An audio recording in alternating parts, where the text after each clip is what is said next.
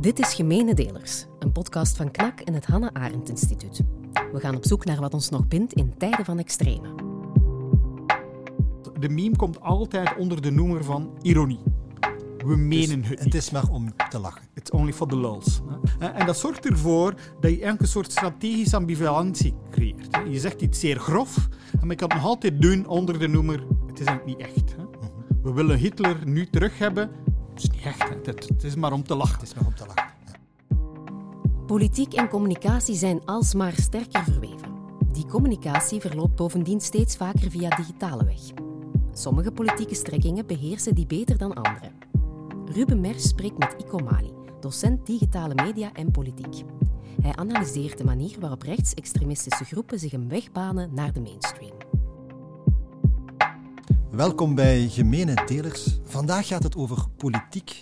En als het eh, gaat over politiek, dan uh, ja, polarisering wordt meestal als iets negatiefs gezien. Uh, bij mij is uh, Ico Mali, docent digitale media en politiek aan de Universiteit van Tilburg.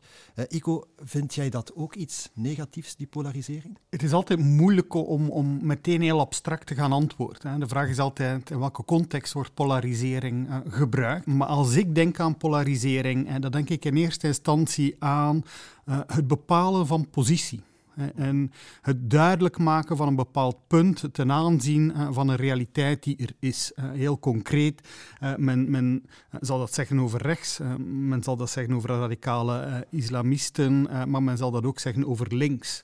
Men kan dat ook zeggen over teksten van wetenschappers. Die zijn polariserend, want ze nemen positie in. En in eerste instantie, als ik aan polarisering denk, denk ik aan dat.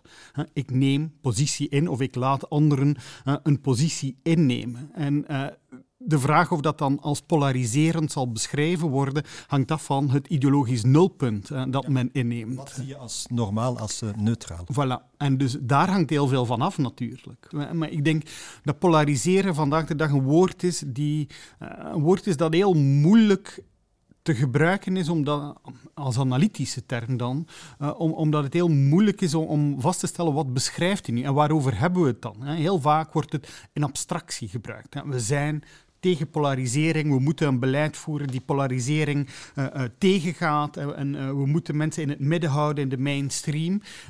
en ik weet niet of dat altijd even noodzakelijk is.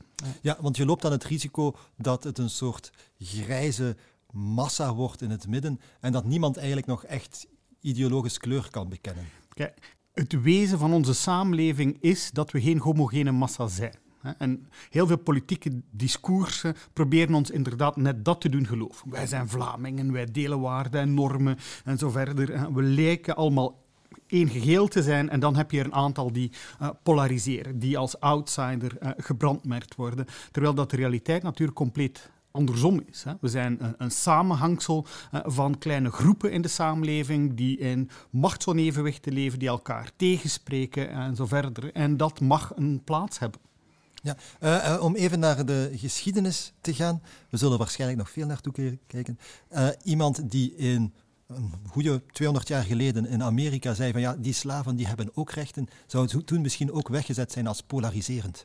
Ja, en nog veel erger. Hè. We moeten zelfs niet zo ver teruggaan. Nelson Mandela werd beschreven als een terrorist. Vandaag vieren we hem als een vrijheidsstrijder. Hè. Dus uh, het, het, is, het kan verkeren, uh, laten we maar zeggen. En, en het polariseren is denk ik iets dat noodzakelijk is zelfs in de samenleving. Mijn punt zou zijn, is je kan daar eigenlijk niet nuttig over praten zonder over ideologie te praten. En over de normen en de normaliteit in de samenleving te praten. En dus polariseren voor meer democratie of voor meer gelijkheid is denk ik iets dat uitermate noodzakelijk is. En iets dat misschien zelfs te weinig gebeurt. Polariseren door anderen neer te zetten als minderwaardig en zo verder, is dan iets dat ik ten stelligste zou uh, afwijzen. Maar je ziet meteen dat polariseren een relatief begrip is. Het verhoudt zich ten opzichte van uh, andere begrippen, ideologieën en zo verder. Ja, je zei het net al, we moeten het over ideologie hebben. Laten we dat dan ook doen. Jij beschrijft in je teksten vaak de opkomst van nieuw rechts. Kan je kaderen wat is nieuw rechts en wat is het verschil met, met oud recht? Oké, okay, uh, dan moet ik wel even terug in, in, in de mag. geschiedenis gaan. Uh, en, en, ik denk dat we, moeten naar het jaar 1968 uh, teruggaan. Het jaar van eh, de revolte mm-hmm. in de Parijse straten van de studenten. Wel, in datzelfde weekend um, start Gretje, de groep voor het onderzoek van de Europese uh, civilisatie en beschaving. Uh, opgericht uh, met als voorman Alain de Benoit. mensen zoals Dominique Venner zat erbij, later Guillaume Fay, Robert Steukers en zo verder. En, en waarom moet ik daar naartoe teruggaan? Je, je, zit daar met een, een, een groep radicale, intellectuelen. Het gros van hen eh, heeft eh, zijn roots in neonazistische bewegingen, extreemrechtse, integraal nationalistische bewegingen en zo verder. Eh, maar men maakt op dat moment de vaststelling van kijk, links heeft de hegemonie. Links heeft domineert cultureel op, op vlak van ideeën en zo verder. Rechts, en met rechts bedoelen ze het oude rechts, zit in het verdomhoekje. Eh, en we moeten, eh, als we terug ooit aan zet willen komen, als een echt rechts terug aan zet wil komen, eh, dan moeten we van strategie veranderen.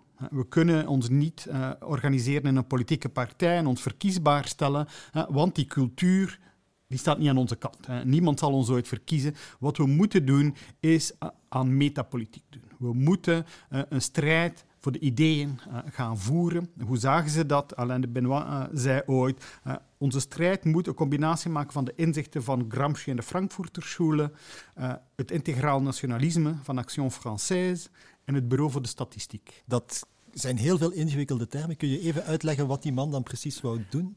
Dus Alain de Benoit haalt de mosterd enerzijds bij Antonio Gramsci. En Gramsci, zoals gekend, maakte de analyse hoe is Mussolini aan de macht gekomen. Want in de in die tijd dacht men dat eigenlijk de, de, de revolutie, de, de communistische revolutie zou slagen in Italië. En, de analyse die Gramsci maakt is, kijk, de intellectuelen in de tijd van Mussolini, die deelden eigenlijk die mening van Mussolini. Die ideeën waren eigenlijk al wijd verspreid, waren deel van de common sense.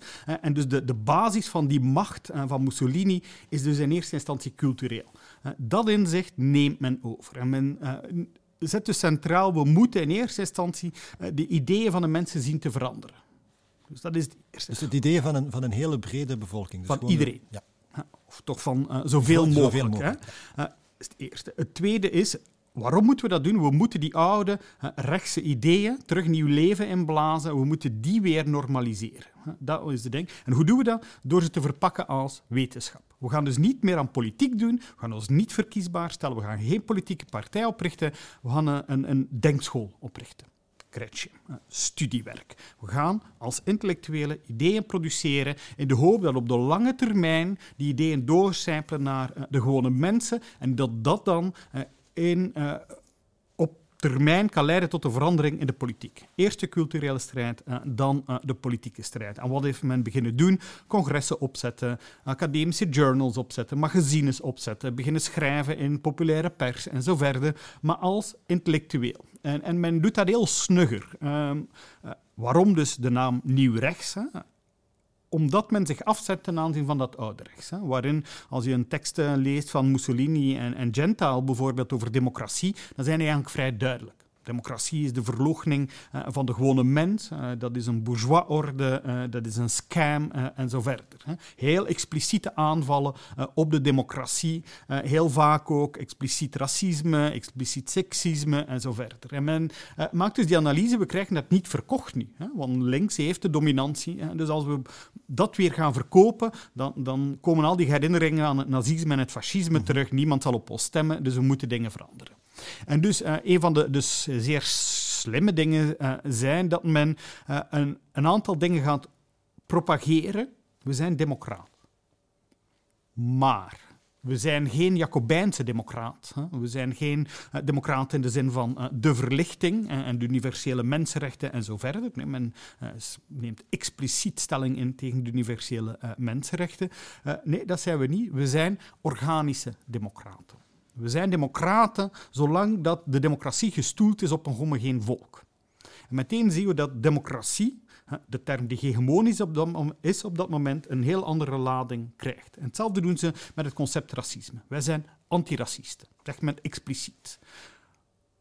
Maar we zijn geen universele antiracisten.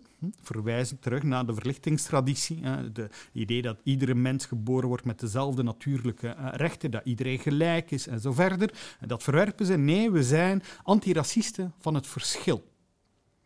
en dat is een heel interessant iets. Balibar heeft dat in een prachtige tekst beschreven, begin jaren 90.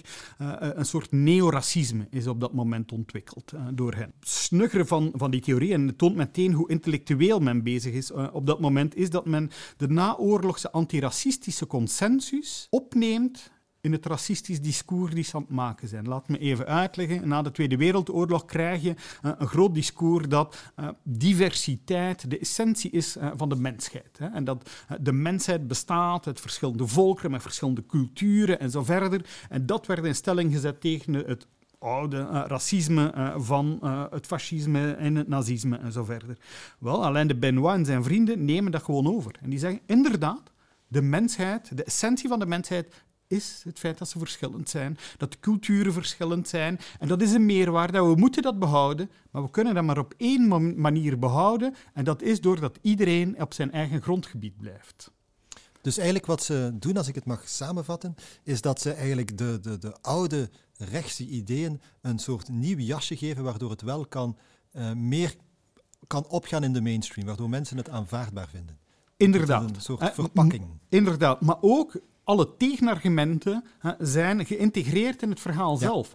dus het, eh, in die zin is het echte intellectuele arbeid natuurlijk. Het is vernieuwend. Het is, het is niet identiek hetzelfde als het oude rechts. Nee, je krijgt een nieuw verhaal, een nieuw soort discours met een, een metaracisme. ook niet een puur nationalisme, maar een verbinding van het lokale met het Europese en zo verder. Dus je krijgt een heel aantal vernieuwingen, maar die wel de kern van de oude ideeën centraal gaan zetten. En dat is uh, het belang van de gemeenschap over de rechten van het individu, een aanval op universele mensenrechten, een aanval op uh, democratie uh, en zo verder.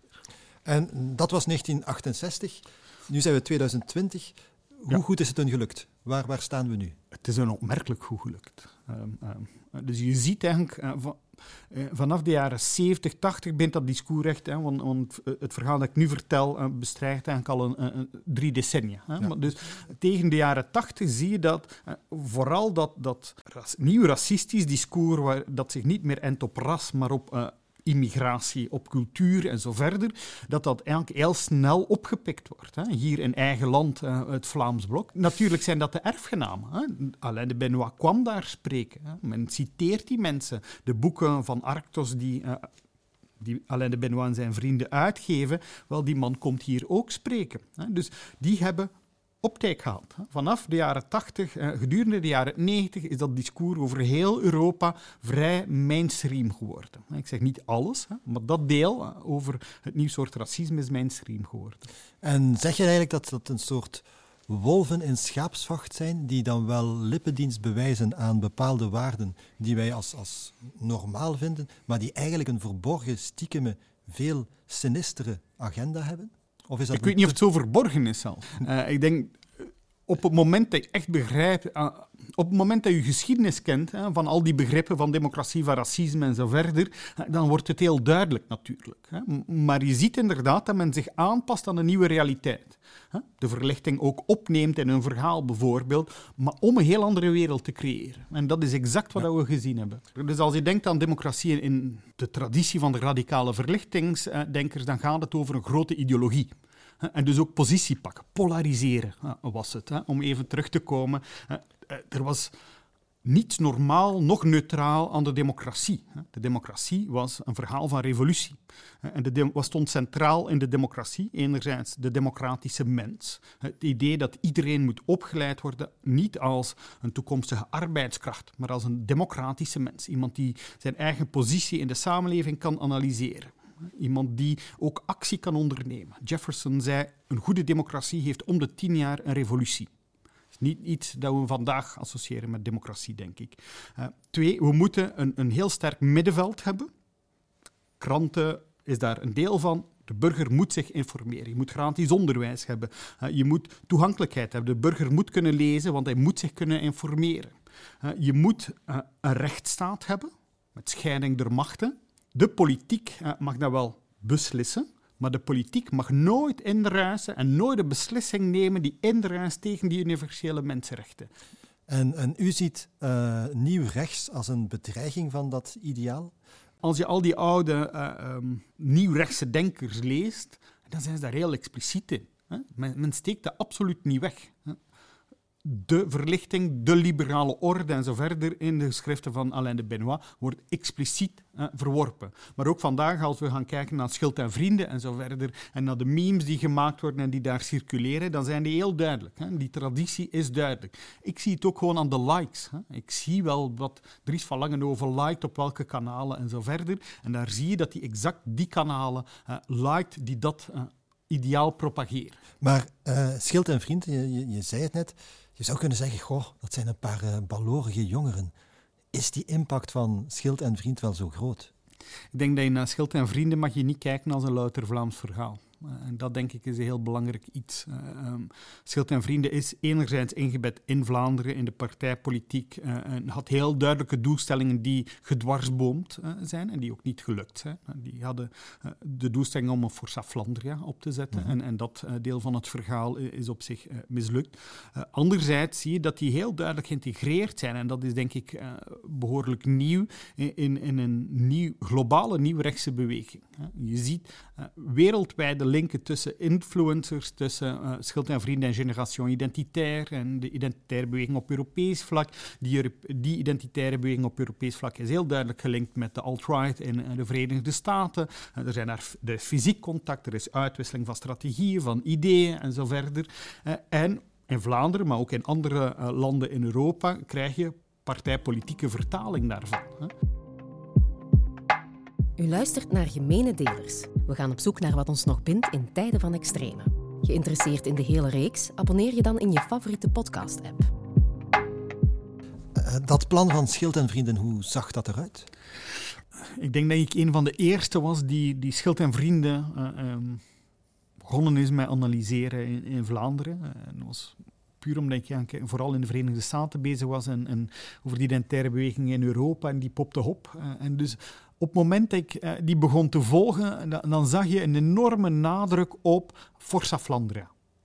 Dus uh, als ze bijvoorbeeld een poll organiseerde op een um, meme-pagina op Facebook, uh, um, van welke partij zou je stemmen, dan zag je dat, dat, dat de leden stemden op N-VA, op het Vlaams Belang en op Lijst Dekker. Mm -hmm de grote droom was altijd, uh, we willen een, sterk Vlaanderen. En we willen die partijen verenigen. Er moet een coalitie komen tussen N-VA en het Vlaams Belang. Uh, je zag ook in, in de praktijk, de beweging zelf bestond uit leden van het Vlaams Belang, maar ook uit leden uh, van N-VA. meer nog, maar legde enorm de nadruk op um, de link met N-VA en hun steun voor N-VA. In de beginperiode ging het altijd over de steun voor Theo Franke. Ze, ze, traden ook op als zijn veiligheidsdienst en verder. Dus de grote droom was het realiseren van die Forza Flandria door de twee partijen, NVA en het VB, zo ver te krijgen dat ze ooit samen gingen werken. Vandaar ook het feit dat men heel actief binnen die partij leden werfde of probeerde op te klimmen binnen uh, die partij. Dus dat was eigenlijk het grote beeld. Men probeerde ook zichzelf uh, heel duidelijk voor te stellen als uh, een positieve beweging. Enkel als je heel dicht zat te kijken, dan zag je dat de memepagina de vierde Vlaamse uh, meme, dat die uh, gerund werd door dezelfde mensen achter Schild en Vrienden. En uh, je zag op Make Vlaanderen Great Again, daar zag je extremere posts. En op die memepagina, de vierde Vlaamse meme, zag je extremere posts. Maar op Schild en Vrienden uh, was het het positieve imago. Wij konden een positief verhaal brengen en zo verder. Altijd netjes in pak. Ja, netjes in pak. Ja, maar dat is allemaal politiek. Hè. Dat was allemaal heel bewust. Uh, de Pano-reportage, ik weet dat die uh, door sommige mensen gezien wordt als bijdragen tot de populariteit van Schild en Vrienden en Dries van Langenhoven. ik ga daar absoluut niet mee akkoord. ja, ze heeft ze bekender uh, gemaakt. Uh, maar ze heeft heel dat project van die Forza Flandria, dat was het einde daarvan. En, en wat wouden ze precies bereiken met die Forza Flandria, met die uh, samenwerking? Die Forza Flandria is uiteraard een, een, vertaling van de Vlaamse strijd. Hè. Dus een onafhankelijk Vlaanderen is daar één van. Maar het gaat veel verder dan dat natuurlijk. Hè. Het gaat over het... het Guillaume Fay noemde dat een archeofuturistische uh, samenleving uh, gaan bouwen, of een orde uh, gaan bouwen. En wat bedoelde hij daarmee is, we moeten de oude traditionele waarden van onze samenleving zien te koppelen aan technologische vooruitgang om terug een grootse natie te gaan creëren op het niveau van Vlaanderen. Maar niet alleen dat, heel expliciet op Europese schaal. en dat is iets heel interessants dat, dat veel commentatoren missen. men verzet zich enorm tegen de Europese Unie als structuur, als bovennationale structuur. maar men verzet zich al lang niet meer tegen de idee van Europa en van Europese volkeren. Heel veel van de nieuwrechtse bewegingen zijn Europees in ziel, in outlook, in, in wat ze willen uh, gaan bereiken. Een van de courante memes dat je vandaag ziet circuleren is No Brother Wars. en dat, uh, als je um, Carrera Neefs, of hoe heet ze, bij het graf zag, mm -hmm. dat is die ideologie. Wij zijn allemaal brothers.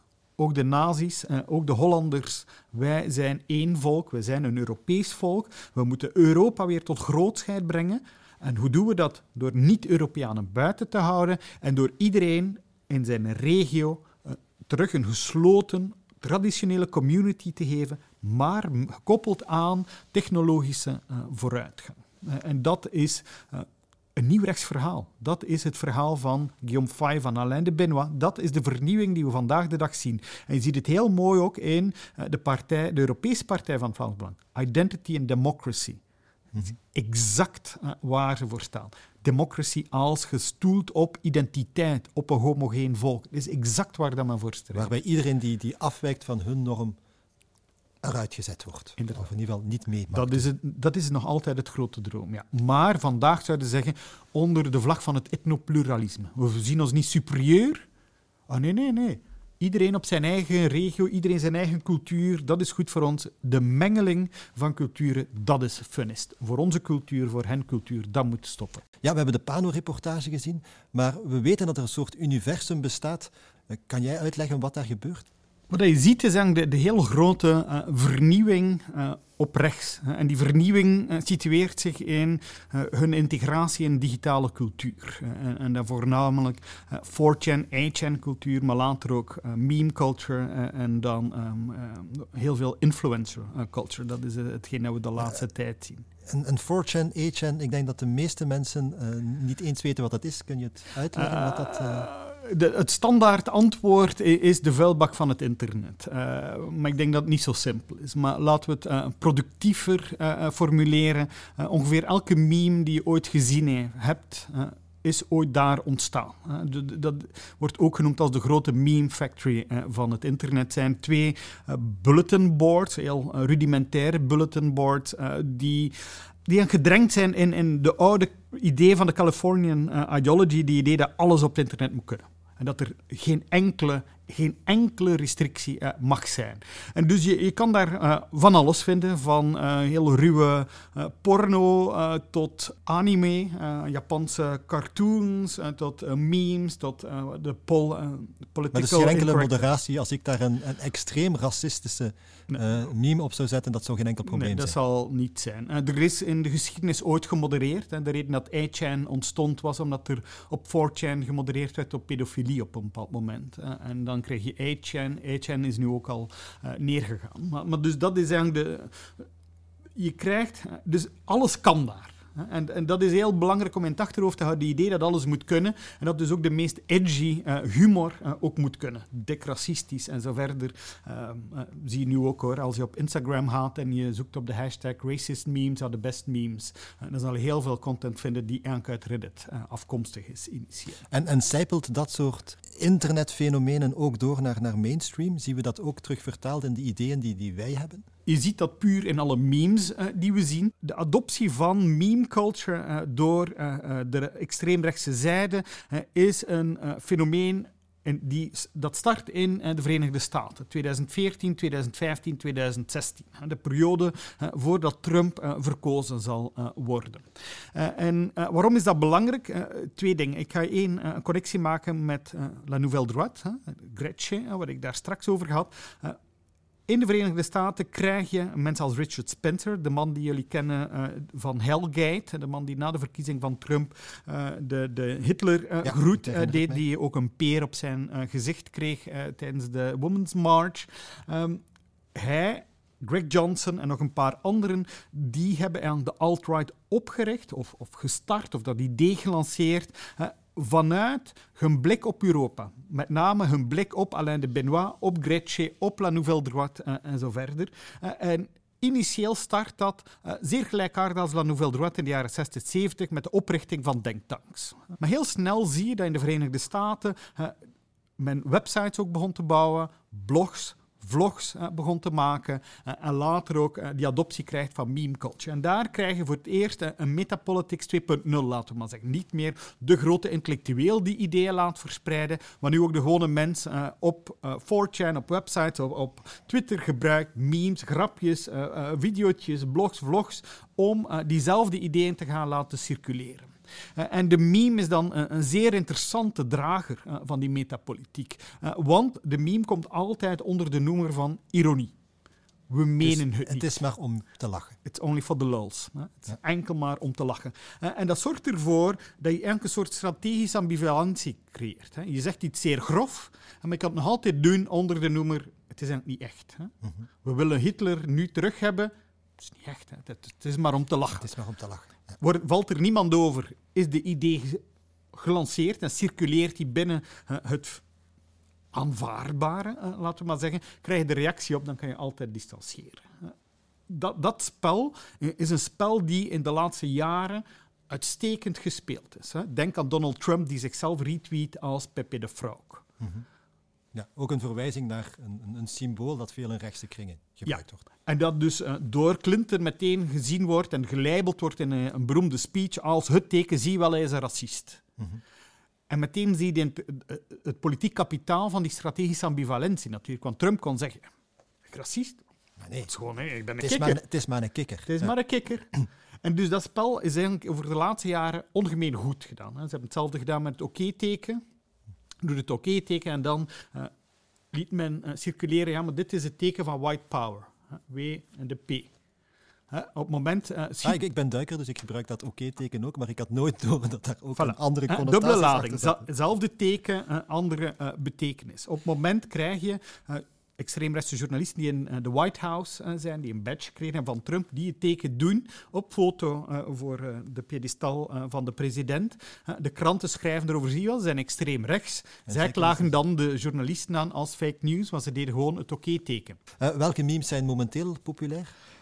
Het, zijn een aantal klassiekers nog altijd hoor, maar um, melk bijvoorbeeld is zeer populair. Uh, je zal, uh, ga even naar een aantal memepagina's rond het Vlaams Belang uh, en je zal zien dat men melk, Dries met melk, de melkbrigade en zo verder. En melk staat voor white nationalist, uiteraard. Maar er zijn er tientallen. de Nordic Gamer, een blonde man die heel vaak gebruikt wordt als een soort type van de alfaman uh, die, moet, uh, die we moeten allemaal zijn. Uh, maar ook, wat je heel sterk ziet, is dat een heel aantal influencers, nieuwrechtse influencers vandaag op YouTube, actief oproepen om te stoppen met memes. Ah, wat is er nu? Wat moeten we nu doen? We moeten dingen doen. Aha. Ja, want de meme, dan maakt men de vergelijking, Arrogant of... Sargon of uh, uh, maakte de vergelijking. Denken jullie werkelijk dat die grote krijgers die onze natie groot gemaakt hebben, dat die memes zaten te delen? Nee, die waren bezig aan het strijden en aan het vechten voor de natie. En dat moeten we vandaag de dag gaan doen. Moeten ze dan echt gaan strijden met, met wapens? Of hoe moet die strijd ingevuld worden? Ah, je weet toch dat Schild en Vrienden trainingskampen uh, organiseert, dat ze boksen. alle identitaire bewegingen bereiden zich voor op de grote oorlog die komt, uh, volgens hem. Dus uh, ja, dat zit daar uh, wezenlijk bij. Natuurlijk onder de noemer van verdediging, maar als je kijkt naar alle manifesten van de identitaire beweging, dan zeggen die expliciet, we zitten, dit is een verklaring van oorlog. oorlog tegen de babyboomers, tegen links, tegen de migranten. De, we moeten ons voorbereiden op die nakende apocalyps, de nakende white genocide, the great replacement. De omvolking. Yes. En, en vrouwenrechten en, en homorechten, hoe spelen die daar een rol in? Want daar zijn ze meestal ook niet zo'n enorme grote fans van. Ook dat is zeer complex. Uh, terug staat het verschil centraal. En men zou dus zeggen, we zijn feministen, maar feministen van het verschil. Niet universele feministen die zeggen dat man en vrouw gelijk zijn. Nee, we zeggen dat man en vrouw allebei waardevol zijn iedereen in zijn eigen rol. Er zijn dus maar twee genders. Uh, hetzelfde met uh, homoseksualiteit. Uh, dat is uiteraard in eerste instantie als norm zien ze dat als een fundamenteel probleem. Dat kan geen sociale norm zijn. En dus je, zal zien dat ze zich altijd zullen verzetten tegen een homohuwelijk of adoptie eh, door LGBTQ of door eh, transgenders en zo verder. Eh, zeker als het publiek gemaakt wordt. Hè. En als we nu even het voorbeeld nemen van eh, de man die aan de regenpijp hangde na het uh, Dionysisch uh, feestje. volgens Guillaume Fay zou dat geen enkel probleem zijn. Want, zegt hij, hypocrisie is de basis van een goede samenleving. En ja, mannen zullen altijd seks willen hebben, ook met andere mannen. Geen probleem, maar het mag geen norm worden. Je kan het niet verbieden, maar je moet het ook niet aan de grote klok hangen. Je moet het niet normaliseren. Eh, doe het in de kamertjes. En zeker de elite kan dat doen. De gewone mens die moet in de pas lopen, die moet het gezin hebben, die moet de voorplanting hebben, eh, nieuwe soldaten, krijgers eh, gaan creëren. Maar de elite die, kan die mogen al een, een klein uitspanning. Ja, ongelijkheid is de essentie uh, van nieuw rechts. Ja, maar hoe kunnen we nu bepalen hoeveel invloed die, die, die memes en die ideeën hebben uh, op de standpunten van mensen? Hoe, hoe zit de dynamiek? Zijn het mensen die eigenlijk die ideeën al hebben, die dan daar een soort symbool vinden dat ze kunnen liken, dat ze denken van daar ben ik het mee eens, of sturen die uh, um, die memes en die ideeën ook echte standpunten van mensen? Of is het gewoon een heel ingewikkelde wisselwerking? Eh, de wereld is veranderd. Hè? De digitalisering heeft de, de wereld veranderd. En dus uh, ideeën ontstaan niet uit het niets. Ideeën hebben geschiedenissen, hebben tradities en hebben actoren die ze uh, verspreiden. En vroeger, de oude metapolitiek, neem ik even als voorbeeld, het idee was de intellectueel en de politicus schept de samenleving, lanceert ideeën. Uh, en dat hebben we inderdaad zo gezien. Hè, door de jaren 90. Uh, alles wat het Vlaams Blok zei over wij zeggen wat u denkt, wij weten wat het volk denkt en het volk wil dit, uh, was uiteraard het Vlaams Blok die het volk leert praten.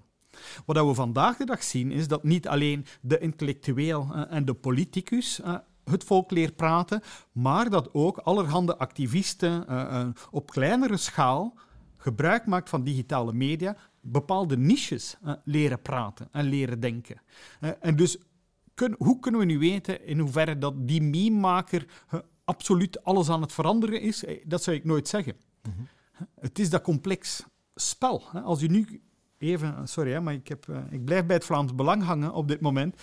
We zien de partij, we zien Tom van Grieken. wel, heel interessant is dat het discours van Tom van Grieken is niet hetzelfde als dat van Philippe de Winter. Het discours van Tom van Grieken is niet minder problematisch, zoals vele journalisten uh, plegen uh, te denken. Het is een identitair discours. Het is een nieuw rechtsdiscours. En het is in die zin, vanaf het moment dat je het doorziet, is het zeer duidelijk. Nu, dat discours resoneert bij die meme-makers. En dus wat je vandaag de dag ziet, is niet alleen de partij. Je ziet niet alleen uh, jong Vlaams Belang maar je ziet ook Schild en Vrienden. En je ziet tientallen meme-pagina's die rond die partij circuleren, die niets anders doen dan cultureel produceren. En dus die ideeën laten circuleren. En dus wat je ziet, is dat Tom van Grieken een vernieuwing inhoudt van zijn partij, letterlijk. In de zin dat hij door die meme culture een heel nieuwe generatie aanspreekt die opeens in die partij een edgy partij vinden. Een partij waar dat wel mee te lachen is, een partij die durft en zo verder. En dus je krijgt eigenlijk een heel gelijkaardige dynamiek als in de jaren 90 met Philippe de Winter. Philippe de Winter slaagde erin om het nieuwe medialandschap ten volle te gaan benutten.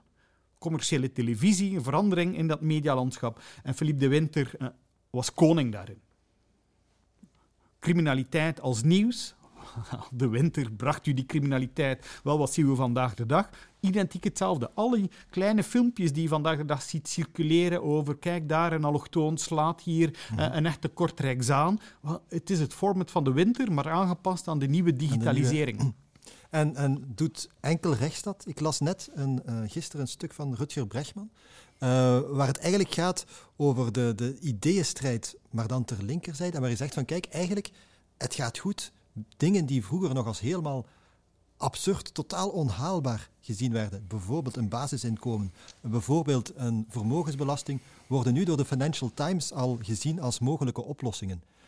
Is het niet, is het, is het zowel links als rechts die eigenlijk winnen aan met nieuwe ideeën? Of in oorsprong uh, komt die metapolitieke strijd, het idee is links. Het komt mhm. van Antonio Gramsci, het komt vanuit de linkerzijde. Dat, dat, was de taak van links. Ik ben helaas iets minder optimistisch, denk ik. Ik denk dat we inderdaad een herpolitisering zien, ook op de linkerzijde. Dus daar uh, volg ik nog een deel uh, van het optimisme.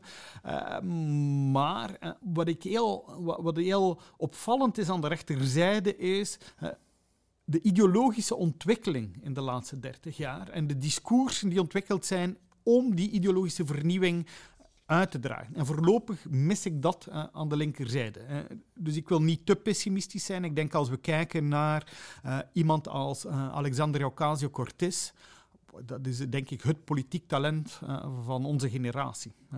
Ja, ben, zeg, gebruikt geen kikkers tot nu toe. Of nee, geen andere... Nee, maar makkelijk deelbare. Uh, maar de vraag is of dat ook moet. Hè? Dus je moet geen kopie hebben op de linkerzijde. Uh, ik denk niet dat dat uh, noodzakelijk is om een ideeënstrijd te voeren.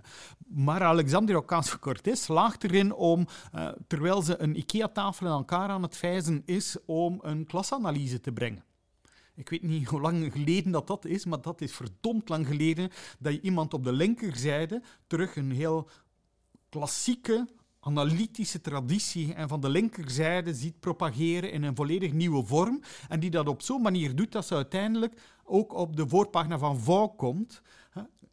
En Vogue gebruikt als een platform om klasanalyse te brengen. Dat is, ik weet niet wie dat, dat ooit gedaan heeft, maar dat is zeer vernieuwend.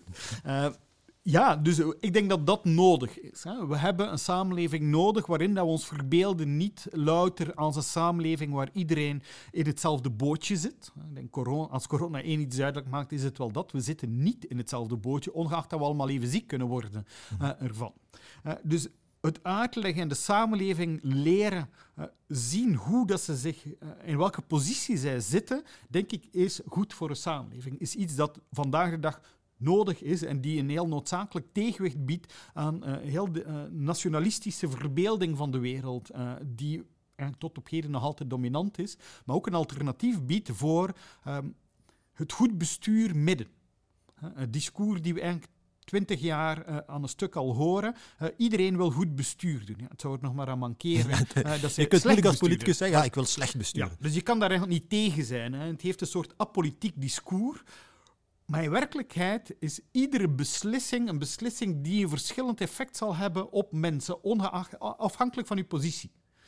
dus, de lusten en lasten zijn zelden gelijkmatig verdeeld. Voilà. En dus ook iedere beslissing heeft een effect. Wel, ik heb liever een politicus die dan eerlijk zegt ik zal die maatregel nemen en dat zal ten goede komen van die persoon, dan iemand die zegt ik doe gewoon goed bestuur en de illusie creëert dat het goed is voor iedereen. Want het is net dat soort discours en de politieke traditie die erbij hoort, die in de laatste jaren uh, aanleiding gegeven heeft voor een enorm wantrouwen in de politiek. Zeg jij van het is een beetje de schuld van wat we. Kunnen we dat technocratie noemen? Is dat een goede term? Ik denk dat technocratie technocratisch discours in combinatie met een neoliberale uh, wereldorde en een idee dat we allemaal moeten concurreren, dat is eigenlijk de vaststelling dat rechts daarop scoort. Als je wil begrijpen waarom dat rechts uh, en extreem rechts uh, wint vandaag, dan gaat het niet louter over dat anti-migratiediscours of het gebruik van digitale media. Je, kan, je moet elk technologisch determinisme vermijden. Het is een nieuwe tool, het is belangrijk, maar wat je ziet is dat men ingaat op een, een realiteit. En die realiteit is dat we in onze samenleving vele mensen hebben die in armoede leven, vele mensen die te hard moeten werken, die allerlei beloftes horen van politici. We gaan de belastingen verlagen. En iedereen denkt, oh, ik, ga eindelijk een beter leven mhm. hebben. Meestal zijn de belastingen die verlaagd worden niet voor u of de gewone mens, maar de kosten stijgen. Want ja, die die belastingen die verlaagd zijn voor een elite moeten gecompenseerd worden. Bedrijven trekken weg en veel meer mensen vallen uit de boot. We moeten langer gaan werken, we moeten harder werken, we staan onder druk. Wel, dat is de realiteit waarop dat rechts en dat, wint. Is het dan niet zo dat links steken heeft laten vallen? Uiteraard. Uiteraard. Als je kijkt naar uh, de laatste drie decennia, wat uh, uh, de Socialistische Partij gedaan heeft, is mee dat beleid vormgegeven. Altijd uiteraard onder het uh, uh, grote. Uh, onder de vlag, we moeten erger voorkomen en we maken er het beste van en zo verder. Maar de grote verandering van New Labour en de derde weg in de jaren negentig was exact dat uiteraard. Hè. Hoor je nu zeggen dat we in onze democratie meer een, een, een echte ideeënstrijd tussen terug nodig hebben, waarbij ze doen vaak alsof je zonder een, een ei te breken toch een omelet kan maken, hm. maar dat kan niet. Misschien moeten ze daar explicieter in zijn? Dat, dat denk ik is onvermijdelijk. En dan zal je meteen zien uh, wat het effect is van polariseren. Hè? Want dat zal gezien worden als polariseren en dat zal bestempeld worden als zijnde een radicale partij die onrealistische voorstellingen doet en die utopisch is en zo verder. Hè? Dus dan zal je veel sterker nog dan op de rechterzijde die categorisering krijgen. En de reden is natuurlijk omdat die positie het nulpunt bevraagt. Dat is het punt die op dit moment de samenleving doet draaien. Bedankt, Ico. Graag gedaan. U luisterde naar Gemene Delers, een podcast van het Hannah Arendt Instituut en KNAK. In de volgende aflevering hebben we het over humor. Mag je met alles lachen? En waar liggen de grenzen van spot? We spreken met comedians Joost van de Kastelen en Erhan Demirci. De volledige reeks vindt u op onze websites of in je favoriete podcast-app.